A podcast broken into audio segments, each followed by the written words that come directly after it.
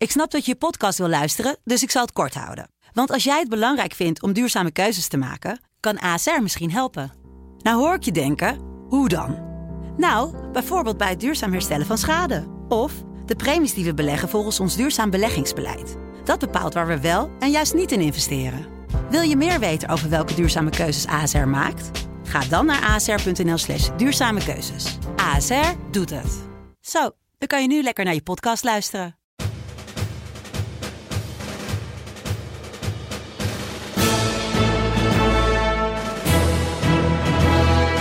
Dit is Delta Tango, de defensiepodcast van de Telegraaf. Want de kans dat er iets gebeurt, uh, zowel met de gegijzelden, maar ook met je eigen troepen, de, het risico is enorm groot.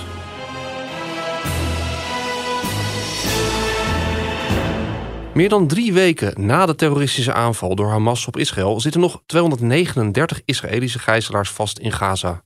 Mannen, vrouwen, ouderen, kinderen en zelfs baby's. Lukt het om hen levend vrij te krijgen? Bij ons is Onno van Boven, oud-commando en een van de oprichters van uh, veiligheidsadviesbureau Triangular Group. Uh, Onno, welkom. Om even hiermee te beginnen. Mensen zullen uh, dat bedrijfsnaam misschien van buiten niet meteen kennen.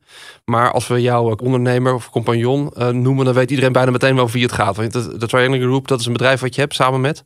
Samen met Ray Klaasens. Dat is inderdaad tien jaar geleden mijn, mijn grote maat geweest waarmee we dit bedrijf zijn begonnen. Ja, en, en, en je zegt geweest, voor mij zijn die nog steeds goed met elkaar, toch? Of, uh... Zeker, uh, heel goed. Om maar, verwarring te voorkomen. Nee, nee, nee, dat is helemaal zo. we kennen elkaar ook echt vanuit het Korps Commandotroepen. Ja. En, ik zat er toen al even en hij kwam in 2001 binnen. Uh, samen best wel een tijd in het contra-terreur domein gezeten. Vandaar ook, uh, dat is een mooie aansluiting naar vandaag. Vandaag, dat je, ja, daarom ook dat we jou gevraagd hebben. Want naast, naast jou natuurlijk aanwezig onze defensieverslaggever Sylvan Schoonhoven. Sylvan, welkom ook. want we willen het hebben met jou over, over zullen zeggen, echt een onderdeel van dat Special Forces werk. het beëindigen van gijzelingen, kapingen. Uh, en dat is, uh, lijkt mij toch ook inderdaad een wezenlijk onderdeel wat er uh, tijdens de counterterrorism opleiding wordt, wordt gedaan, toch? Of niet? Ja, nou ja, kijk, je hebt een tweetal sporen of je wil iemand ontzetten of je wil iemand ophalen. Wat is het grote verschil dan? nou ja, als je iemand wil ophalen, dan bedoel ik mee dat je een, een terrorist, crimineel, nou goed, vanuit Defensie doen we natuurlijk met criminelen ietsje minder.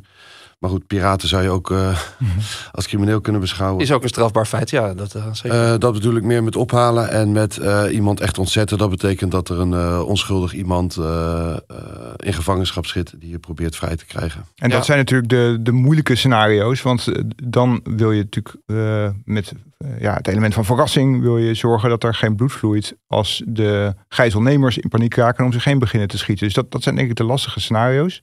Nou, Olof, uh, wij, wij, weten daar alles van, want wij hebben natuurlijk ons helemaal geworpen ooit voor ons boek liggen blijven op uh, de, uh, de gijzelacties van de jaren 70 met name. En ja. de, de, technieken die de BBE mariniers daarop loslieten om zonder bloedvergieten gijzelingen te, te beëindigen. Nou, je, kan, je kan wel zeggen dat eigenlijk de zeggen, contra-terreur in Nederland... Uh, de eerste jaren in ieder geval dat er een uh, counter-terrorism unit was... die zat toen inderdaad bij BBE Mariniers. Dus dat is uh, bij, bij de andere club, zeggen we dan altijd vanuit de ja. KCT-optiek. ja, dat, dat was eigenlijk bijna dat, datgene waar ze alleen maar mee bezig waren. En die hele training die zij hadden was gefocust op het, het, het beëindigen van gijzelingen... en, en nabijgevechten. Ja, en, en zij moesten alles eigenlijk nog zelf bedenken. Want er waren natuurlijk helemaal geen uh, standaard draaiboeken of een, een waslijst aan technieken. Die moesten ze helemaal zelf bedenken. Nou, inmiddels, en jij hebt natuurlijk die tijd, uh, Onno, jij hebt dat natuurlijk al meegemaakt, dat er waarschijnlijk wel uh, volledige draaiboeken met strategieën, do's en don'ts, wat, hoe pak je zo'n zo'n actie aan, dat die wel op tafel liggen. En in die begintijd was het natuurlijk pionieren. Ja, nou die begintijd is natuurlijk wel echt jaren zeventig. Ja, dus, ja, ja, Ook toen hadden zelfs de Engelsen en Amerikanen weinig ervaring daarmee. Dus uh, dat is inderdaad zo dat, dat uh, de mariniers dat uh, ja, best wel behoorlijk hebben moeten pionieren nog met... ja, die hebben echt nog de discussies gehad dat ze ook handvuurwapens et cetera bij moesten nemen. En om al hun materieel moesten vechten. Ze hebben de meest bizarre methodieken uitgeprobeerd om ehm, ja, te kijken hoe ze toch dat soort problemen konden oplossen. Die, die er toen ook echt waren. En dat is wel nog ook een groot verschil met, met nu. Eh, in Nederland hebben we natuurlijk eh, wel, denk ik, eh, toch best wel wat ervaring gehad met vervelende situaties. Nou, ook zelfs in Hilversum. Waar dan bij ons nu de politie wel echt goed op is voorbereid. Bedoel je met de politie dan in dit geval dienst speciale...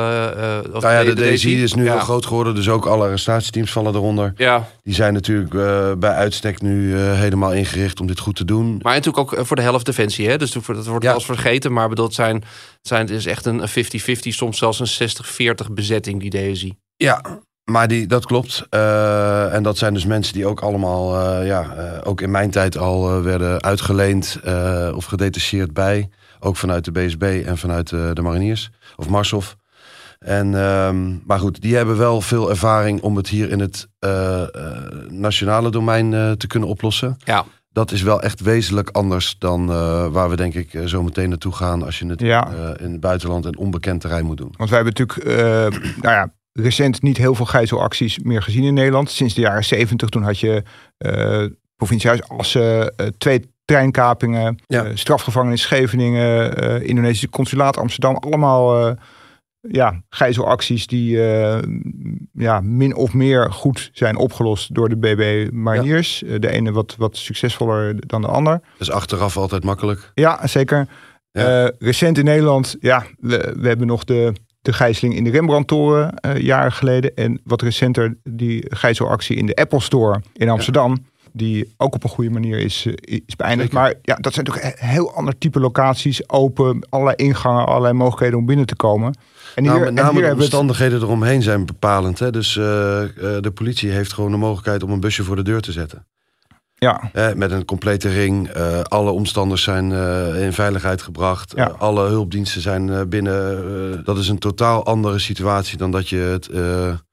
hè, daar zullen we dan misschien zo op... Ja. Ja, ik denk dat we laten we die stap maken inderdaad van. Want, want als je kijkt naar het scenario eh, gijzeling. Mhm. eh, hoe, hoe benader je dat als KCT-ploeg? Want voor de helderheid, commando's zijn inderdaad voor inzet in het buitenland. Een geoormerkte eh, eenheid om, om aan de gang te gaan. Bijvoorbeeld als je een, een, een Nederlander zou hebben gehad die, die, die in het buitenland gegijzeld is. Hoe, hoe ga je daarmee aan de gang als, als ploeg? Ja, nou goed, in Nederland is het inmiddels eh, valt het allemaal onder SOCOM. En dat is dus een, eh, een, eh, het Special Operations Command waar Marshof en het KST onder vallen. Ja, Dus eh, ik weet dat er altijd graag naar de rivaliteit wordt gekeken. Maar ik zie het toch een beetje als eh, één club. Ik zou het ook het liefst... schijnt te zijn weggeëpt, hè? Die, eh, die schijnt een beetje te zijn weggeëpt. Want, want die was er vroeger wel, begrijp ik. Die Ja, die het is een beetje een gecultiveerde rivaliteit. Ik vind het altijd een beetje onzin. We hebben zoveel samengewerkt. Er zitten zoveel kruisverbanden in. inmiddels ook in de opleidingen en zo. Dat ik denk van, waar hebben we het nog over? Maar goed, er zit in de kern een beetje een iets ander domein. Eh, Zeeland, om het maar even heel plat eh, te slaan. Al zit daar ook nog wat eh, ge- gekruist. Maar hoe je dat zou aanpakken is dat... eh, allereerst is dit natuurlijk op het hoogste niveau... moet er eerst bepaald worden... gaan we hier überhaupt een eenheid voor alarmeren? Mhm. Hè, dus even nog los van de politieke besluitvorming, waar ik volgens mij met jou ook voor het krantartikel even over had gesproken. Die wel heel belangrijk is, maar dat gaat uiteindelijk om een inzet. Mag Defensie zelf bepalen of ze ook eh, bereid zijn om een eenheid alvast te alarmeren. En dat heeft best wat implicaties.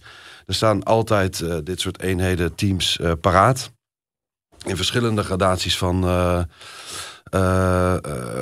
paraatheid. Ehm, heb je het over plat gezegd, hoe snel eh, kunnen ze Precies. instappen en wegwezen? Sommigen staan op 24 uur, dus die mogen wel op vakantie, maar moeten dan binnen 12 uur eh, terug op een vliegveld kunnen zijn om binnen 24 uur op de kazerne te zijn. Want dat is eigenlijk de. Hè, dus het is 24 uur betekent niet dat je binnen 24 uur ingezet wordt, maar dat je binnen 24 uur terug op de basis bent. En dus gebriefd kunt worden en je spullen compleet hebt. En gewoon. eh, ehm, en dat doen ze wel in dit soort scenario's. Dat er dus bijvoorbeeld eh, bekend is geworden dat er een Nederlander eh, is. Dan kan ik me voorstellen, ik werk er niet meer, hè, dus even voor de duidelijkheid. eh, eh, kan ik me voorstellen dat ze er vrij snel naartoe gaan om een eenheid in ieder geval inzetbaar te krijgen. Zodat je, wij spreken, de politiek opties geeft. Precies. Ja.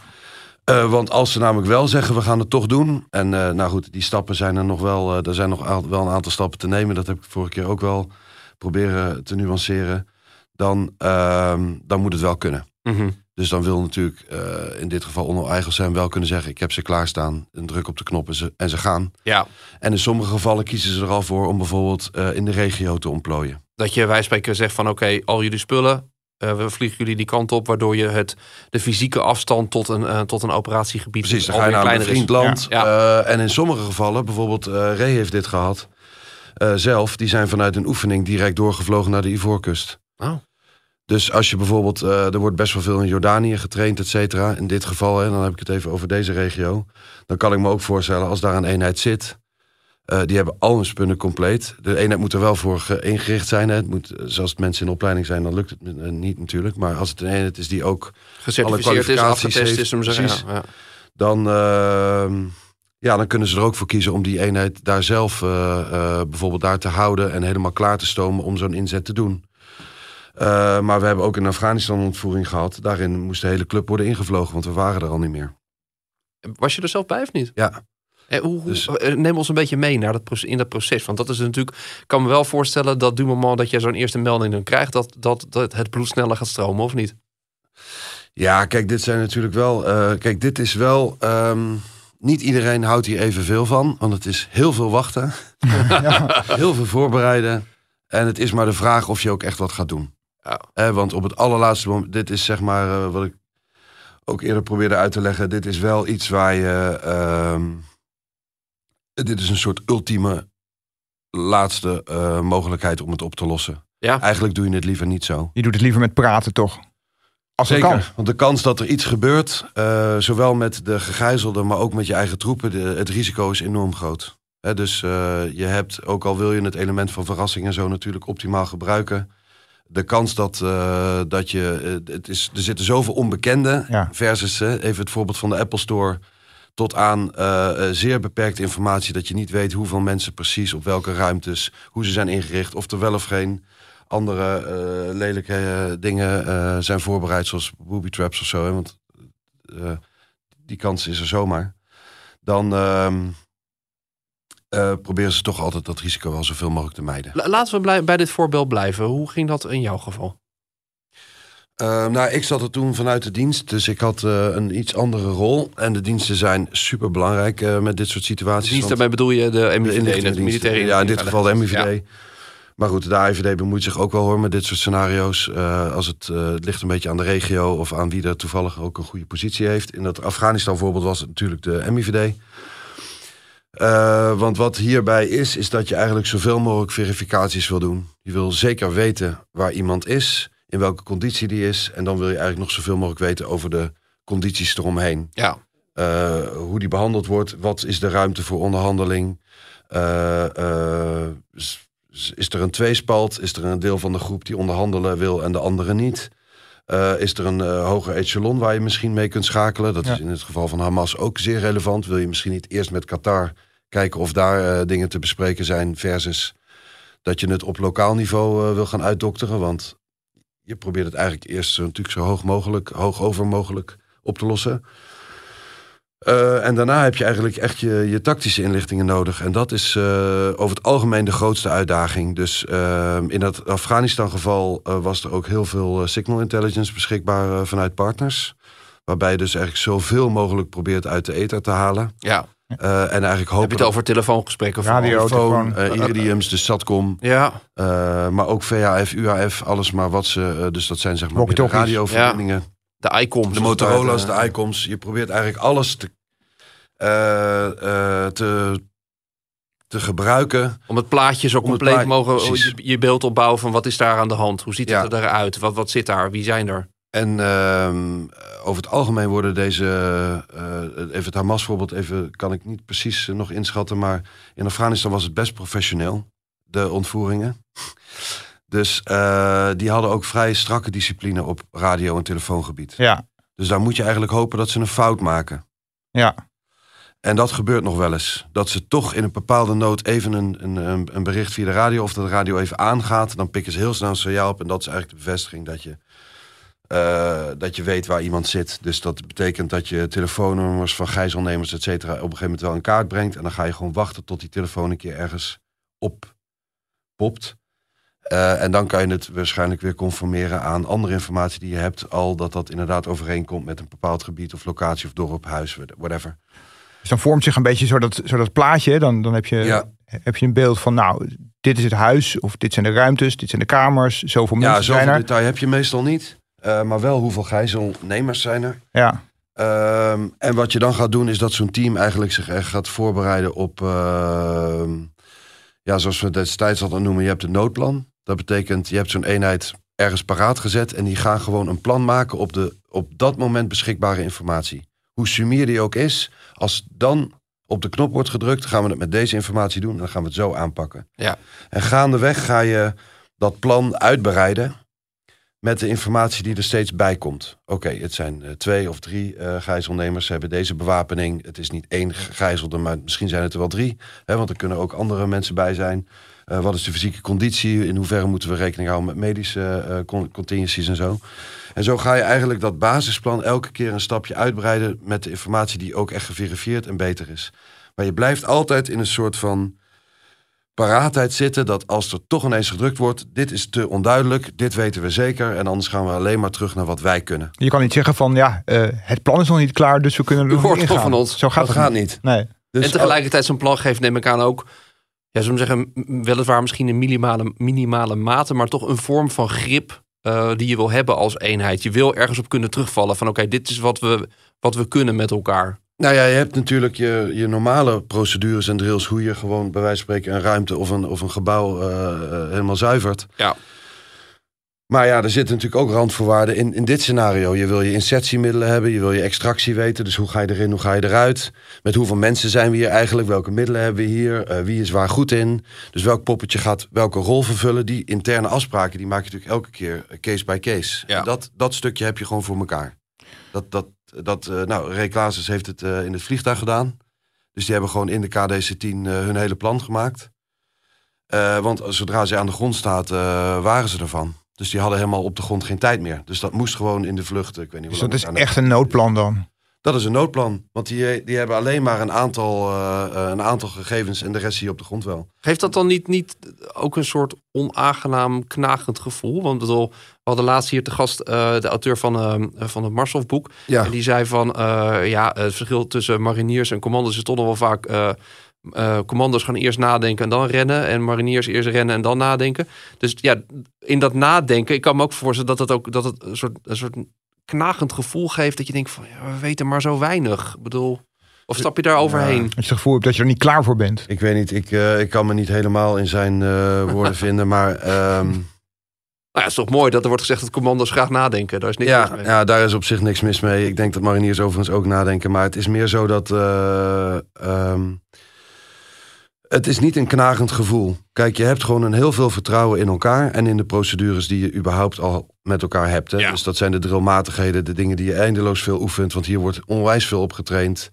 Eh, je schietvaardigheid, dat luistert heel erg nauw. Hè? Want dat discriminerende vuur, dat, dat is wel even heel belangrijk om te benoemen. Dat je niet per ongeluk de gegijzeld ook meeneemt. eh. Nee, maar elke, elke jongen of vrouw, maar goed, in dit geval zijn het dus allemaal mannen eh, tot nu toe, die dit werk doen, die kunnen allemaal in een split second eh, eh, iemand inschatten. Is dit vuurwapen gevaarlijk? Ja of nee? En dus, wat, hoe moet ik hierop acteren? Nog even los van of iemand überhaupt... Iemand kan ook een wapen hebben en toch niet schietgevaarlijk zijn. Nou goed, dit is natuurlijk ook waar de DSI dagelijks mee, mee stoeit. Van in hoeverre mag je nou je geweld eh, toepassen? Want Ja. dat luistert nogal nauw. En het is niet voor niks dat ze Special Forces sturen, want die worden geacht dit verschil te kunnen maken. Dus dat vertrouwen in elkaar en in de procedure is super groot.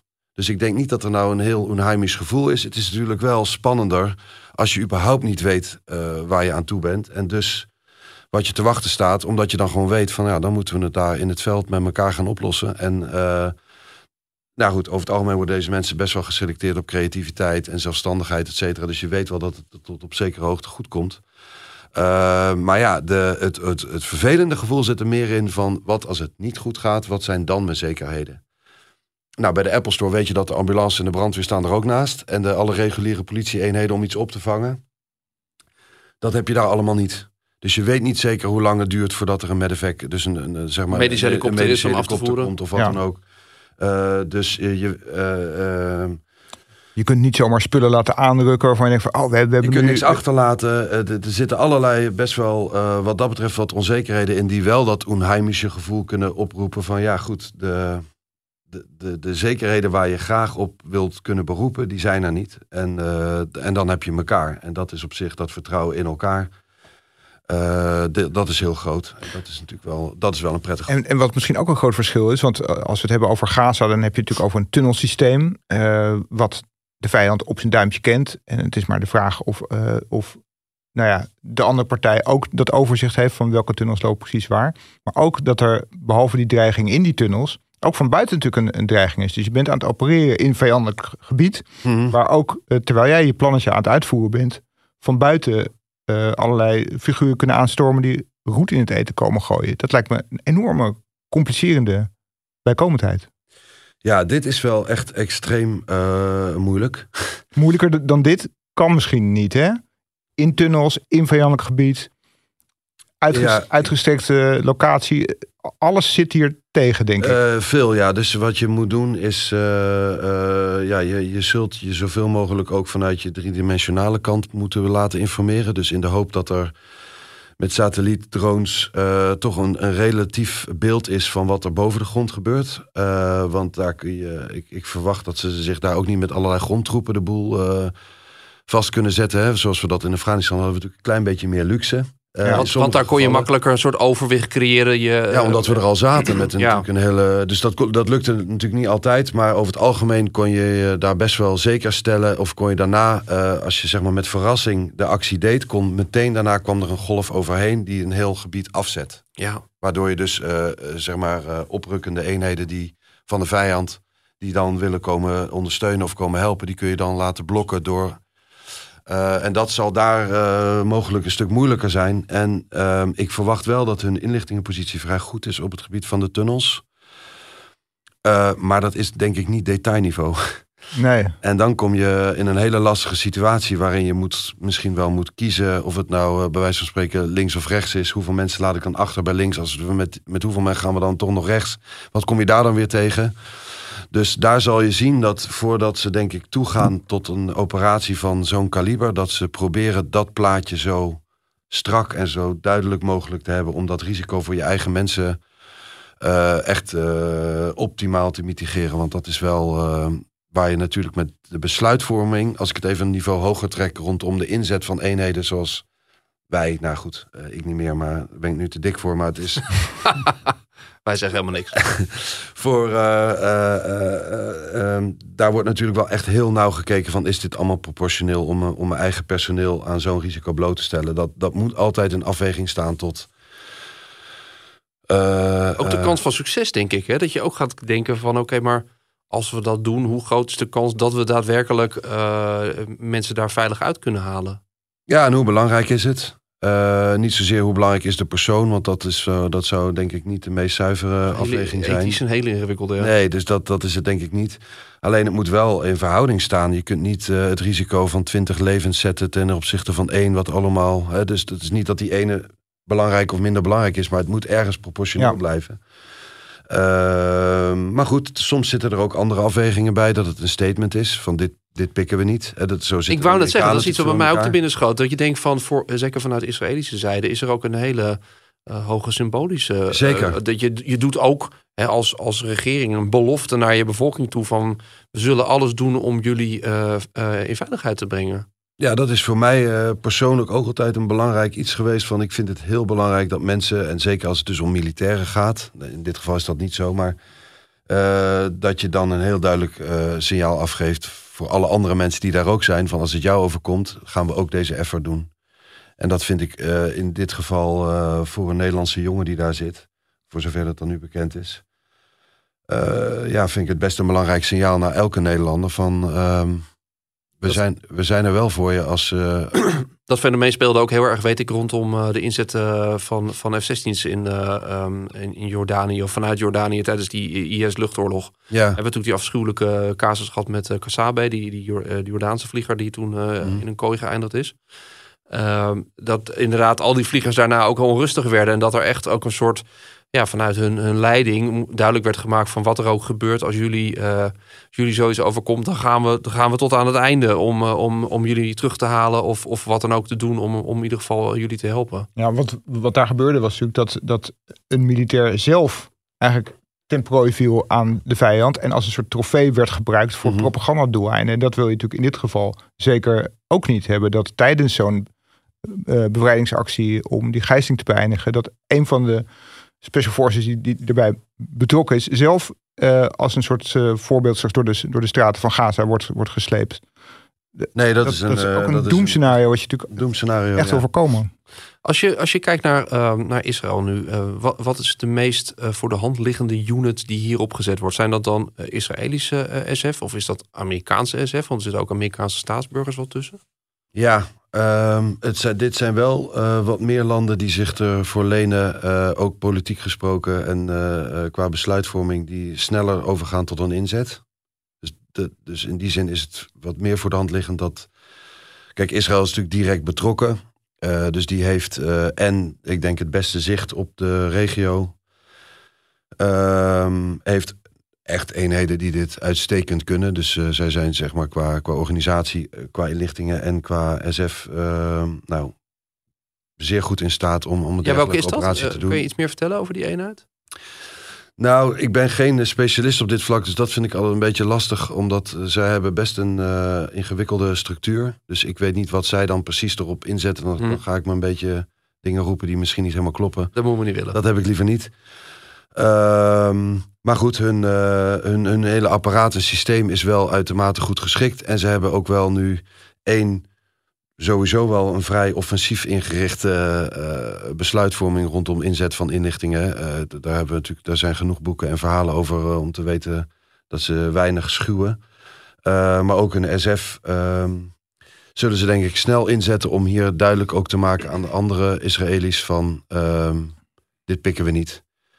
En ehm, we gaan er alles op alles zetten om je er veilig uit te krijgen op het moment dat. Want het gaat natuurlijk om heel veel Israëlische mensen die daar nu vastzitten. Ja, Werken zij, werken zij anders eigenlijk dan wij in Nederland gewend zijn? Ehm, ik denk wel dat er wat meer risicobereidheid is. Dus dan heb ik het niet over de enkele vent op straat, eh, om het zo maar te zeggen. Dus niet over de operator, eh, niet op dat niveau, maar ik denk wel op het niveau van inzet. Eh, dus op zeg maar eh, militaire eh, hiërarchie en ook wel de politieke besluitvorming, die, die heeft wel wat meer ballen dan wij. Ehm, en de Amerikanen hebben dat eigenlijk ook. Dus ik, ik, schat zo in, ook gezien het, het verleden, dat de Amerikanen echt wel op het punt staan om, eh, om daar wat te doen. Eh, of om dat op zijn minst eh, te ondersteunen. Want zij hebben natuurlijk echt hele specialistische teams hiervoor. Dus de, de DevCruise en eh, dus zeg maar de SEAL Team 6 en Delta Force combinaties. Of eh, die wisselen elkaar vaak af. Die hebben ongelooflijk veel ervaring op dit vlak. Eh, die worden wereldwijd nog steeds vrij veel ingezet. Het gaat niet allemaal om gijzelingen, maar ze zijn gewoon heel specialistisch. Ja, En uitermate goed uitgerust. En ze hebben heel veel middelen om dat zeg maar ook vanuit alle dimensies hun inlichtingenpositie goed op te bouwen. ja en, en En Amerika-Israël is in dit geval ook nog een keer een, zijn hele nauwe bondgenoten. Dus ehm, ik verwacht wel dat dat de eerst, meest logische eerste inzet zal zijn als het gaat om eh, het ontzetten van gijzelaars. Ja. ik kan me zo voorstellen dat eh, naarmate de tijd vordert ook eh, de hoeveelheid inlichtingen toeneemt. En je dus een scherper beeld krijgt van hoe ziet die locatie straks uit waar we, waar we misschien in moeten gaan. En dat er daarop misschien ook al heel specifiek wordt getraind in misschien wel nagebouwde tunnels. Wer- Werkt dat zo? Ga je oefenen in, ik weet het Ja. nog uit de jaren zeventig, daar werden inderdaad met, met touwtjes werd afgespannen nee, welke het, ruimte eh, er was in zo'n trein. Het, eh het Rowili, het rood-wit lint, is nog steeds een hele populaire eh, manier om heel snel een eh, bepaald gebouw of ruimtes eh, een klein beetje in kaart te brengen, zodat je een paar baasafspraken kunt maken. In dit geval ehm, zullen ze zeker eh, tunneloperaties op een bepaalde manier trainen, oefenen. Het zou me niet eens verbazen dat dat bij Israël lang bekend is, dat Hamas daar gebruik van maakt. Dus Ja, natuurlijk. Ja. Wellicht zijn er al complete mock-ups van, eh, zeg maar, dat je daarin, eh want ik denk niet dat bijvoorbeeld Amerikaanse eenheden nou heel erg geoefend zijn in tunnels. In ieder geval, ik heb het nog nooit gedaan. Ehm, en ook nog nooit echt rekening mee gehouden. Maar het ligt een beetje aan hoe die, gijzel, eh, hoe die gegijzelden allemaal zitten. Ze- De, de meeste, in de meeste gevallen worden ze vaak verplaatst. Hè? Dus eh, dat maakt het altijd erg moeilijk. Ja. Dat, dat was in Afghanistan voor ons ook altijd best wel een grote uitdaging. Daar valt niet op te plannen dan. Nee, maar in Syrië bijvoorbeeld bleven ze altijd op dezelfde plek. Omdat ze dachten, dit, dit ligt zo remote, daar komen ze toch niet. Ja. Wat in zekere zin ook waar was. Is, is die tunnel, hè, dat, eh, pak inderdaad even terug naar het verleden. Ik weet dat, ehm, dat mariniers die wij gesproken hebben ehm, eh, destijds rondom eh, de bevrijdingsactie bij de Punt. Ja, eh, en ook wel hun, hun opvolgers, meer moderne eh teamleaders, die zeiden van ja, eigenlijk die trein die we daar toen hadden, dat is zo'n beetje de meest lamlendig beroerde locatie die je kan hebben om een gijzeling in te beëindigen. Als je nou kijkt naar die tunnels, dat komt op mij ook over. Dat ding van, het lijkt me echt een dramaplek om aan de gang Ja. te moeten. ja dat, dat lijkt mij ook. Dus eh, ik denk dat voor elke eenheid die zich daarop moet gaan eh, in- inzetten. eh, ja, je, je komt een beetje met je rug in de muur of een rat in de val. Ja, het is maar net hoe je het, doet. Je, je bent totaal niet goed in controle van je omgeving. En het is ook moeilijk om je controle te krijgen. Want waar zit hem dat in? Dat je geen dekking kan zoeken? Of wat? Hoe Nou, je hebt weinig uitwegen. Je hebt weinig zicht op de omgeving. Ehm, je wil eigenlijk altijd. Het is een beetje de geëikte. hè. Je kent zo eh, politiemensen en militairen in een, eh, in een café. Want ze gaan altijd met een rug in de hoek eh, gaan zitten. En ze weten altijd waar de nooduitgang zit, bij wijze van spreken. ja. Dat is met deze soort inzetten ook. Je wil eigenlijk van tevoren precies weten hoe kom ik er ook weer uit. Hm. En ook al lukt het niet, bij wijze van spreken, moet ik voortijdig afbreken. Hoe kom ik er dan weer veilig weg? En wat ga ik dan doen? Ja. Eh, wetende dat daar misschien nu helemaal geen goede luchtsteun is. Of, eh, en dus ook niet voor extracties. Dus je zit ook nog in je hoofd van, ja, kut, als dit dadelijk lukt, eh, wat dan? In hoeverre zijn we dan nog in staat om veilig ergens weer in, eh, in eigen gebied te komen? Eh, en ja, dit is één onder de grond. Dus zicht is, we, we zitten sowieso liever niet onder de grond. Ik bedoel, mariniers zitten misschien nog graag onder water. Maar op een bepaald vlak hebben ze daar natuurlijk wel weer controle.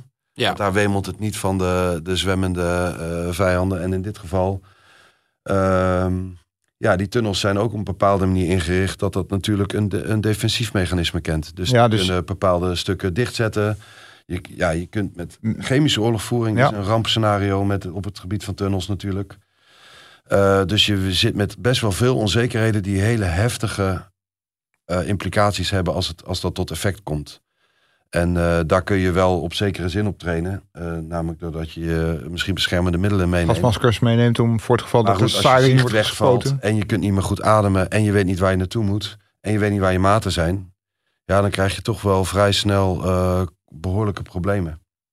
Dus ik kan me voorstellen dat ze die ergens de tunneloperatie zoveel mogelijk proberen te vermijden. Ehm, ja, dat los van het feit dat je dit sowieso het liefst aan tafel ergens op een manier wil oplossen. Al is het alleen al om te zorgen dat die gegijzelden goed behandeld worden. Zodat je dat koopt je, daarmee koop je gewoon tijd om het op een andere manier op te lossen. Maar goed, een politiek statement hè, of een eh, wat meer een symbolische inzet is natuurlijk eh, eh, wel echt een ander argument. Waardoor je wel kunt zeggen van nou, we gaan het toch doen. Eh, Als je, als je kijkt, hè, ehm, die je hebt zelf de trainingen ook gedaan, neem ik aan, voor dit soort Mhm. scenario's. Niet zozeer op de tunnels, maar dan op een gebouw. Zeker. Ehm, ja, hoe, hoe eh, is, is dat echt de bovenkant van het uh, counterterrorisme werk? Of eh, hoe, hoe, hoe, hoe stapt je daar in zo'n scenario? Ehm, nou, eigenlijk is de HRO, zoals de, eh, de Hostage Rescue Operations, is gewoon het, het, het hoogste spectrum binnen het hele contraterreurwerk. Eh, dus zo wordt het ook wel gezien. Daar zit de, in principe, ik weet niet zeker of ze nog steeds zo, zo werken, maar eigenlijk was er nog een keer een designated stukje eh, binnen je eigen eenheid die eigenlijk echt heel specifiek dit werk mogen kunnen doen. Extra geselecteerd, extra getraind. Ja, dus bijvoorbeeld qua schietijzer ligt daar nog een lat bovenop. Hm. Eh, omdat het allemaal, hè, dus bijvoorbeeld, ja, ik zeg het maar even heel plastisch, maar als iemand dus wordt vastgehouden, heb je maar een heel klein stukje waar je gericht vuur op kunt uitbrengen. Meestal Ja. zijn hoofd. ja. Of maar een deeltje van het hoofd. Dat zijn echt die scènes zoals je En dat mag maar in films eh, ziet, hè? Ja. Ja, zeker. Ja. En Ja. met een heel hoog risico voor Ah. collateral damage. Dus voordat je misschien de gegijzelde iets overkomt of wat dan ook. Eh, je actieintelligentie moet gewoon optimaal zijn. Dus hoe snel beslis ik wat te doen. Eh, omdat er dus ook met handgranaten wordt gegooid in ruimtes. Nou goed, zo, zo kun je allerlei eh, mo- moeilijke scenario's maken. Dus in wezen kun je ervan uitgaan dat binnen het domein van contraterreur...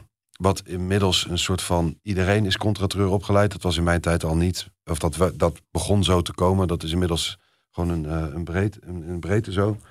Maar dit element zijn wel je beste mensen. Op dit vlak.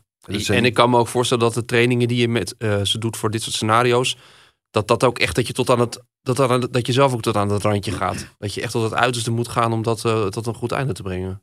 Ja, dat moet je ook wel willen, want anders lukt het ook waarschijnlijk niet. Want je zult met deze krijg je ongeveer elke uitdaging wel. Ze, ze, ze zijn voorbereid op het feit dat zo'n gij- gegijzelde ontzet gaat worden. Ja.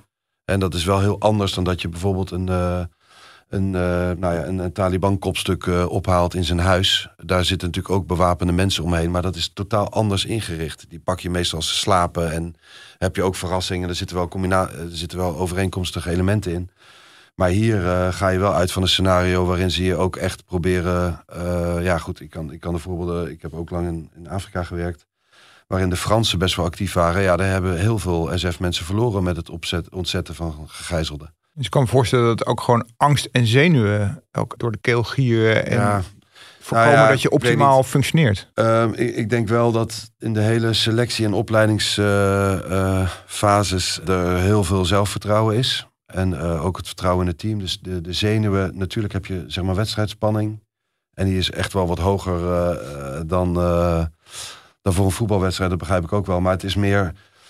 eh, ik denk wel dat het zo goed getrainde mensen zijn die, dat, die die spanning goed kunnen reguleren. Wat niet in de weg staat van een goede operatie. Nee. Het is ehm eh, eh. Ik ben dan toch wel benieuwd hoe jij met jouw achtergrond en jouw, jouw kennis, hoe kijk je daar naar? Is, is, eh, zit jij vooral toch in het perspectief van die vent die, die daar straks misschien die tunnel in moet? Hoe, hoe, hoe, zie, hoe bezie jij alles wat op je afkomt nu deze dagen?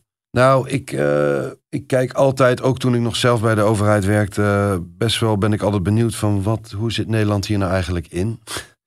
hoe ver zijn ze bereid te gaan? Want dat, dat, daar ben ik echt niet altijd eh evenveel te spreken over. eh, dan, daar ben ik ook eerlijk in. Te Het terughoudend. heeft niks met de eenheden te maken. Hè. Dat heeft gewoon met eh, Politieke in- besluitvorming, politieke ja. besluitvorming te maken. Dus dat is wel een stukje wat ik eigenlijk het meeste volg in eerste instantie. eh, omdat ik eh, eigenlijk, ik heb superveel vertrouwen in, eh, in hoe het eigenlijk operationeel in elkaar zit. Ik moet eerlijk zeggen, die gasten die het nu doen, versus toen wij over die teams gingen. ze zijn zoveel beter eigenlijk opgeleid met betere spullen dan wij dat toen waren. Dus ik heb er eigenlijk wel heel veel vertrouwen in dat die dingen wel goed komen. Die tunnels vind ik wel eng, spannend. Omdat ik weet dat we daar gewoon vanuit onze westerse eenheden totaal niet eh, op voorbereid zijn. En dat eh, ik zou er zelf ook niet graag in gaan. Ik bedoel, als het moet gaan, dan, dan, dan, dan gaan ze, dat weet ik. Maar eh, daar zitten, wat we net even schetsten, zoveel risico's in. Dat ik wel benieuwd ben van hoe ze dat willen doen. Ja, nee, Ja. maar het is een. ik kan me dat goed voorstellen dat het een, dat het een heel ehm, complex verhaal is. En, en ehm, ja, dat het tegelijkertijd ook zeker vanuit je huidige activiteiten, maar ook je, je, je verleden fascinerend is om, om dit toch te blijven bezien en in de gaten te houden en, eh, en, en daar een beeld van te krijgen. Het komt niet vaak voor dat er, dat, dat er zo'n ehm, eh, zo'n nieuwsfeit is zoals nu. hè. Eh, Zo'n situatie. Zoveel gijzelaars, zo'n hoog aantal ook. Dat lijkt Ja. me ook een enorme complicerende factor. Je hebt het niet over, over, over een handje vol. Je hebt het over eh, ja, meer dan 200. Van allerlei, Nou ja, en- en jong, ik- oud, eh, we schetsen het al. kort over hadden, want ik weet het, misschien moeten we gaan afronden. Maar wat dit wel extra moeilijk maakt, is gewoon dit, dit hele, de hele Israëli-Hamas eh, eh, oorlog is wel echt, ook politiek gesproken, enorm ingewikkeld. Dus er zijn nog allerlei argumenten om wel of niet in te grijpen, wat Exact. ook met, echt met politiek De, te de, de, maken Ja. de achtergronden maken. Het is een, het is een soort eh, eh, een, een probleem met heel veel laagjes op elkaar, die allemaal weer invloed op elkaar uitoefenen. Ehm, ja, nee, absoluut fascinerend. Onno van Boven, heel erg bedankt voor je aanwezigheid vandaag en het tot ons meenemen in, eh, nou ja, in de bovenkant van wat we vast hebben gesteld van het eh counterterrorism werk. Eh Dank je wel. Eh, ja, en ondertussen blijft het afwachten of de Israëlische gijzelaars ooit weer levend daglicht eh, zullen zien. Ja, of dat het allemaal in een bloedbad eindigt. Je moet het eh, niet hopen. eh, maar helaas, de, eh, de geschiedenis, denk aan München, die, die heeft daar wel voorbeelden van. Dit was Delta Tango voor deze week. We hopen dat je met plezier hebt geluisterd. En als zo is, laat het ons weten. En laat een recensie achter op een van de podcastplatforms. Of waardeer ons daar, zodat wij meer aandacht krijgen en nog meer kunnen doen als podcast. Delta Tango is er over twee weken weer met een onderwerp uit de wereld van defensie en internationale veiligheid.